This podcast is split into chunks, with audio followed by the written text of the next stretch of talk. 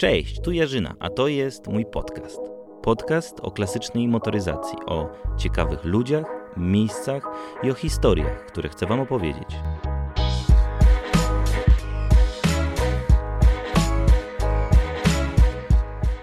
Dzień dobry dla tych, którzy słuchają tego w dzień, dobry wieczór dla tych, którzy słuchają wieczorem lub w nocy. E, to kolejny odcinek podcastu Jarzyna Film. Jeżeli e, goszczę u Was e, poprzez YouTube'a, to pamiętajcie o tym, żeby subskrybować kanał, jeżeli tego nie robicie. Jeżeli goszczę u Was na platformach streamingowych, no to będę wdzięczny za obserwowanie. Dzisiaj odcinek bardzo ciekawy moim zdaniem, ponieważ będziemy rozmawiać o tym, jak kupuje się klasyka za granicą na przykładzie Fiata 500 kupionego we Włoszech oraz o tym, czy warto inwestować w klasyki. Więc zaczynamy. Moim gościem jest Robert. Cześć Robert. Cześć, witam wszystkich. E, Roberta możecie kojarzyć z jednego z poprzednich odcinków podcastu, jak rozmawialiśmy o jego kolekcji Classic Zone. E, słuchajcie, e, zaczynamy, zaczynam podpytywać Ciebie, Robert, o to, jak kupiłeś tego Fiata 500, bo nie kupiłeś go w Polsce. I dlaczego go nie kupiłeś w Polsce? Może od tego zacznijmy. Dlaczego w Polsce? W Polsce dlatego, że te samochody są bardzo drogie. Dlatego kupiłem go właśnie we Włoszech. Zacząłem go szukać na internecie na początku, na takiej stronie włoskiej. Bardzo ciężko było po prostu znaleźć. W ogóle bardzo ciężko jest y, nawiązać kontakt z samymi Włochami, ponieważ oni e, mają taki dystans do obcokrajowców. Ciężko z nimi prowadzić jakiekolwiek konwersacje. E, dlatego oparłem się o takie coś, że zacząłem szukać na jakichś forach internetowych i trafiłem na taką grupę włoską, fanów Fiata. Poznałem kolejnych moich przyjaciół we Włoszech, co pomogło mi w tym, że po prostu mogłem ten samochód kupić dobry we Włoszech i bez żadnych większych problemów. Okej, okay, no i co? I zdecydowałeś, że to jednak będą Włochy, że tam kupisz Fiata 500 i co dalej? Po prostu znalazłem ten samochód, pokazałem go moim znajomym na portalu WhatsApp, na takiej grupie, na której jestem zalogowany. Skonsultowałem to jeszcze z innym moim kolegą Włochem, no i doszłem do wniosku, że tak, kupię ten samochód. On na zdjęciach teoretycznie wygląda bardzo ładnie. Jednak po przebytej drodze tam na samym, na samym końcu już okazało się, że no nie jest to tak, jak miało być. Aczkolwiek tutaj nauczka kolejna dla mnie, że nie wziąłem pod uwagę tego, że jednak może coś się nie udać. No i to jest już pierwsza rzecz, którą trzeba, lekcja na przykładzie twojego zakupu, że jazda, no nie wiem, z Krakowa do Katowic, żeby oglądać samochód, to jest 60 parę 70 kilometrów, zależy w jaką, z jakiej części miasta, do jakiej części miasta się jedzie. Natomiast jazda już do, do Włoch, to już jest większa wyprawa. I teraz trzeba wziąć pod uwagę, że coś może pójść nie tak i to trzeba wliczyć w koszty, nie? Tak jest, jest to długa wyprawa, kosztowna wyprawa, trzeba wziąć wszystko pod uwagę, bo tutaj trzeba policzyć jedzenie, spanie, pojazd, ubezpieczenie. Potem jak zajeżdżamy na to miejsce, to musimy mieć jakąś alternatywę, gdzie możemy po prostu w razie W pojechać i oglądać coś innego. Kolejną wskazówką jest dla tych wszystkich, którzy nas słuchają, to, że powinni oni właśnie nawiązywać jakieś kontakty z takimi osobami na różnego rodzaju forach, pytać się, czy dany rocznik posiadał takie wyposażenie, czy posiadał takie detale, czy też nie posiadał, e, jak oni to widzą, czy to wszystko wygląda ok.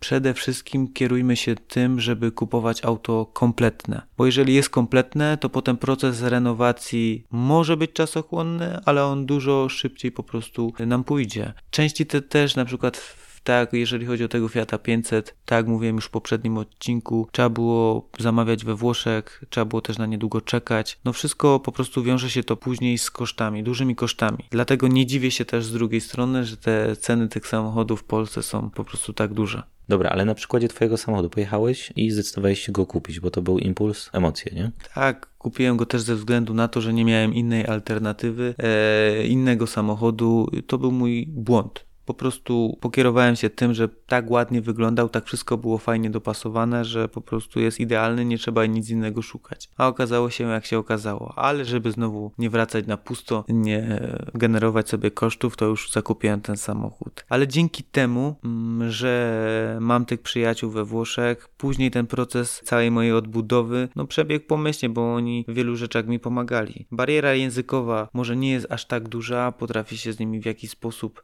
porozumieć, i dzięki temu po prostu każdy detal, który miał odpowiadać, każda rzecz, jaka miała być e, wykonana w tym samochodzie, była konsultowana z nimi, bo akurat to była grupa poświęcona, jest nadal poświęcona tylko i wyłącznie Fiatu 500. Jaka to jest grupa? Fiat 500 y, Palermo. Z nimi właśnie jestem na portalu WhatsApp. Też chciałbym wspomnieć o fajnej, ciekawej historii, że e, dzięki temu, że tak się to wszystko potoczyło, e, musiałem po prostu wrócić się ponownie do Włoch, bo ciężko było zakupić oryginalne części, przede wszystkim śruby z napisem Fiat do silnika. No i tak wróciłem do Włoch, tam zdobyłem od mojego bardzo dobrego kolegi Włocha oryginalne tłoki, e, cylindry, e, wszystkie śruby z emblematami Fiat. Przy okazji e, odwiedziłem Muzeum Fiata 500 w Garlendzie, no i przywiozłem dla mojej dziewczyny wespę. No tak, czyli jedziesz kupić jednego klasyka za granicę i okazuje się, że wracasz tam i wracasz i wracasz. No dobra, jadąc na zakup, zakup samochodu, um, zakładam, że nie jedzie się tam raz oglądać go, a później wysyłać tam lawetę. No tak, właśnie jak wspomniałem na początku, powinno się mieć jakieś alternatywy, to jest przede wszystkim pierwsza rzecz. Powinno się mieć parę tych modeli, którymi jesteśmy zainteresowani, e, mieć na uwadze. Potem jedziemy, ja w tym przypadku akurat brałem małego Fiata 500, to wziąłem sobie małe dostawcze e, auto. Czyli ty wypożyczyłeś samochód tutaj w Polsce i ty jako kierowca pojechałeś tym samochodem, tak? Nie, nie pożyczyłeś lawety? Nie, nie. Dokładnie wziąłem auto dostawcze, wypożyczyłem je, pojechałem do Włoch, a to wychodzi taniej, żeby takiego, przy, w przypadku Fiata 500 na przykład, żeby wypożyczyć samochód dostawczy, do którego wsadzisz do środka Fiata 500, jakiś mały samochód, to wychodzi taniej niż laweta? Nie, po prostu dla mnie osobiście było wygodniej. A po drugie, żadne warunki atmosferyczne nie doświadczały tego pojazdu. A, okej, okay, o to chodzi. Dobra. O czym jeszcze warto pamiętać na przykładzie Twojego zakupu i Twoich doświadczeń? Na pewno to, co wspomniałem wcześniej, plus y, jeżeli nie umiemy języka,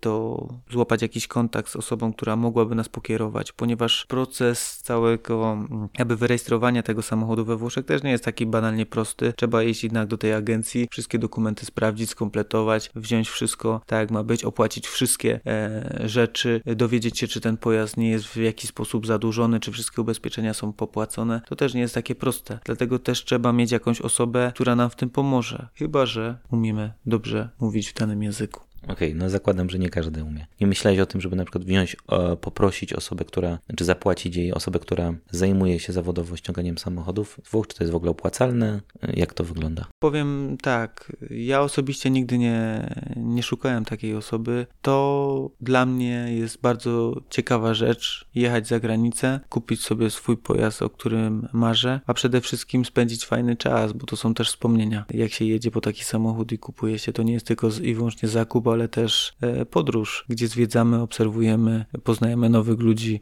łapiemy kontakty. To wszystko ma w sobie e, coś fajnego.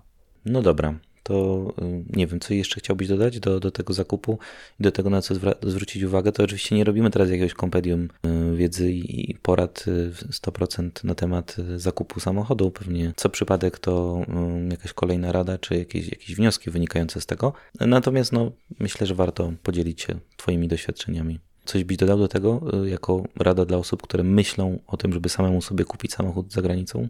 No tak jak powiedziałem na początku, sprawdzajcie wszystko dokładnie, kupujcie kompletne samochody, e, żeby wszystkie części były jakie są możliwe, miejcie alternatywy, poznajcie ludzi, dyskutujcie na forach e, różnego rodzaju, wypowiadajcie się, konsultujcie. E, są ludzie, którzy chętnie służą pomocą, no i wtedy po prostu kupicie dobry, dobry samochód. Okej, okay. a teraz zapytam Cię o taką rzecz, bo masz tych samochodów kilka. Mówiliśmy o Fiacie 125P, 68 rocznik, 126P 75, Fiat 567. Jak to jest na Twoim przykładzie z inwestowaniem w klasyki? Czy uważasz, że to ma sens i czy Ty patrzysz na swoją kolekcję jako inwestycję? Myślę, że to jest indywidualny temat dla każdej osoby, aczkolwiek na chwilę obecną, obserwując to, co dzieje się na aukcjach internetowych i różnego rodzaju portalach, to czasami sobie myślę, że fajnie jest to wszystko mieć. Aczkolwiek nigdy nie podchodzę do tego tematu w taki sposób. Jest to dla mnie po prostu moja prywatna kolekcja, której nie kupiłem na sprzedaż, ani nie kupiłem po to, żeby inwestować. Wiadomo, że jeżeli coś idzie do góry i rośnie na wartości, to fajnie to mieć. Aczkolwiek, czy to jest dobra mm, alternatywa do zainwestowania swojego kapitału? Uważam, że jest dużo innych, lepszych źródeł większego dochodu. Ja osobiście podchodzę do mojej kolekcji bardzo dużym sentymentem i nie mierzę ją taką miarą, że mógłbym na niej kiedyś zarobić bardzo dużo.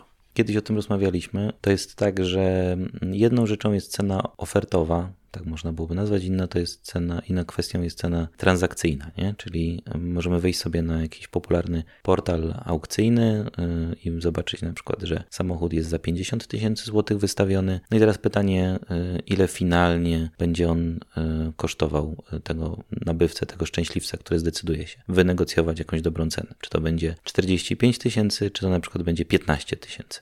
Wiesz co, spotkałem się kiedyś e, z taką opinią i w sumie tego też doświadczyłem, e, że kiedyś pewna osoba zaproponowała mi jakąś tam kwotę. Powiedziałem, że nie, nie, nie jestem zainteresowany, nie chcę sprzedać tego samochodu, nie interesuje mnie to. On powiedział do mnie, że nie ma takiej ceny, której nie mógłby zapłacić. Ja mówię, tutaj jest to rozgraniczenie, że jeżeli klient będzie, to sprzedamy ten samochód za każde pieniądze, jakie tam będziemy chcieli. Oczywiście w, w, granicach rozsądku, ale musi być klient na zakup takiego po prostu samochodu. Jeżeli patrzymy na internet na chwilę obecną, analizujemy te ceny, no to naprawdę one są kosmiczne, zawrotne i nie wiem, czym one są spowodowane, ale spowodowane, ale te ceny idą do góry. Cały czas pojawia się coś nowego na internecie i w oszałamiających cenach. No właśnie, bo to jest ciekawe. Myślę, że też warto byłoby zrobić e, o tym odcinek. Na ile ceny, które widzimy w internecie na dzień dobry, powiedzmy, ofertowe, później e, są odzwierciedlone na papierze w momencie sprzedaży. Tym, czym możemy się kierować, to jest, no tak wiesz, głośno myślę, nie? Te, tym, czym możemy się kierować, to jest to, co widzimy w internecie. A ile finalnie później tych samochodów ląduje na papierze z taką ceną, to, to jest osobna e, kwestia, nie? Dobra, ale przejdźmy jeszcze do takiego samochodu, którym, o którym wspomniałeś w, od, w odcinku wcześniej o Twojej kolekcji, o Twoich marzeniach, to jest Mercedes. Mercedes 190 SL to taki to takie naprawdę moje marzenie odległe. Ciężko będzie je spełnić kiedykolwiek, ponieważ y, cena tego samochodu jest bardzo, bardzo wysoka. Aczkolwiek można go kupić, można go znaleźć w dobrych pieniądzach, oczywiście całego do renowacji, tylko trzeba poszukać. E, wiesz co, bardziej mnie interesuje to, jak ty podchodzisz na przykład do tematu inwestowania na przykład w markę Mercedes. Okej, okay, ten model, o którym mówimy jest dużo droższy niż, niż standardowa cena dużego Fiata czy, czy Malucha, ale inwestowanie w markę Mercedes, a inwestowanie na przykład w Fiaty, to co robisz? Jeżeli miałbym inwestować, to oczywiście wybrałbym Mercedesa, bo Mercedes jest znany na całym świecie. Jest to marka ugruntowana, mają swojego rodzaju różne certyfikaty, które te samochody czynią tak drogimi, no nie? E, dlatego na pewno jest to dobra inwestycja. Tylko, żeby zainwestować w takiego klasyka, to trzeba na pewno kupić go w dobrym stanie, żeby nie było tak wiele do zrobienia, ponieważ jeżeli będziemy wszystko robić od podstaw od A do Z, to będzie to po prostu też czasochłonne, to po pierwsze. Po drugie, będziemy musieli mieć dobrą ekipę, która nam zrobi całą tą renowację. A po drugie, inwestycja może być tak naprawdę nieopłacalna. Czy takiego Mercedesa można kupić, czy jest gdzieś wystawiony w Polsce? To tak. jest Mercedes, przypomnijmy jeszcze raz. To jest Mercedes 190 SL. Jest on wystawiony w Polsce. Duda Cars we Wrocławiu, o ile dobrze pamiętam, ma wystawiony ten samochód na chwilę obecną za jakieś 900 tysięcy złotych. Z tego co mi wiadomo, ten samochód w skali roku rośnie o jakieś 10%. Jest on spisany na taką specjalną listę Mercedesa, gdzie jest udowodnione, że on będzie w skali roku rosnął coraz więcej, coraz więcej, aż w końcu może ta cena być bardzo, bardzo duża. Patrzyłeś i analizowałeś, ile rośnie cena Fiata 125P na przykładzie 68 roku? Nie, nie patrzyłem, ale patrzę z tygodnia na tydzień, że kosmicznie wysoko jest już w górze. Aha, okej. Okay. To... Tylko, że tutaj mamy ten mały niuans, że ona rośnie z tygodnia na tydzień. 10% tydzień po tygodniu. Tak. Nie, no żartuję. Ja też żartuję, ale te ceny, tak jak powiedziałem wcześniej, są zawrotne. No to czekaj, no to jeżeli cena jest zawrotna Fiata dużego, no to może bardziej opłaca się w markę Fiat, szczególnie w tym, w tym wydaniu y, z dopiskiem P. Tylko teraz kwestia, tak jak ty powiedziałeś, za ile to finalnie jest sprzedane? Kojarzysz z internetu czy z, z jakiejś opowieści, jakie są ceny transakcyjne? Słyszałeś o takich cenach transakcyjnych tak starych, y, dużych Fiatów? Kiedyś pojawił się Fiat 126P y, z tego rocznika, co ja mam, za 100 tysięcy złotych. Mówimy o, o tym 6P75. Y, tak jest i miał jeszcze 2000 więcej kilometrów przejechane, dlatego zastanawiam się, czy nie wymienić na mieszkanie. Okej, okay, no tak. A 125P kiedyś też był, kiedyś też był do sprzedania za 90 parę tysięcy e, złotych. Teraz już go nie ma. Był kiedyś, nie wiem co się z nim stało, nie mam pojęcia. Powiedzmy, że mam 2000 czy 1000 złotych.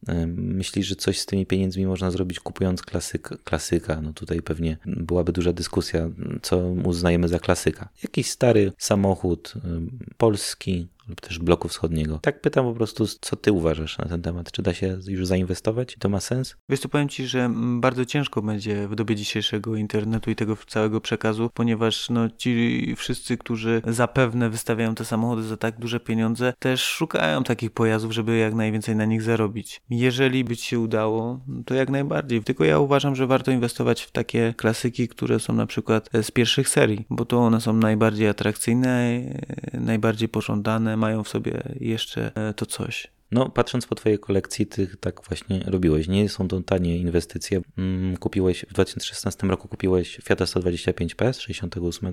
W 2018-2019 kupiłeś 126P. Tak, 18 i 2019 końcówce, przepraszam, początku kupiłem e, Fiata 500.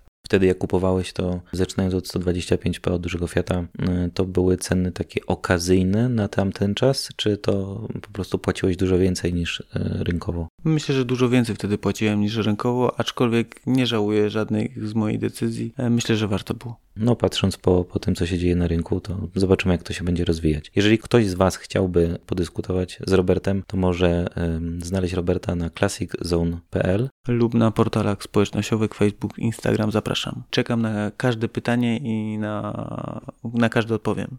Ok, jeżeli nie subskrybujecie jeszcze kanału Jerzy na Film, to polecam dowiadywać się o najnowszych podcastach i nagraniach. Podcasty co środę o godzinie 19. Jeżeli słuchacie tego na platformach streamingowych, polecam e, obserwować e, Jerzy na Film. Dzięki wielkie, Robert, jeszcze raz za poświęcony czas. Ja również dziękuję. Dzięki wielkie e, i do usłyszenia w kolejnych odcinkach. Cześć.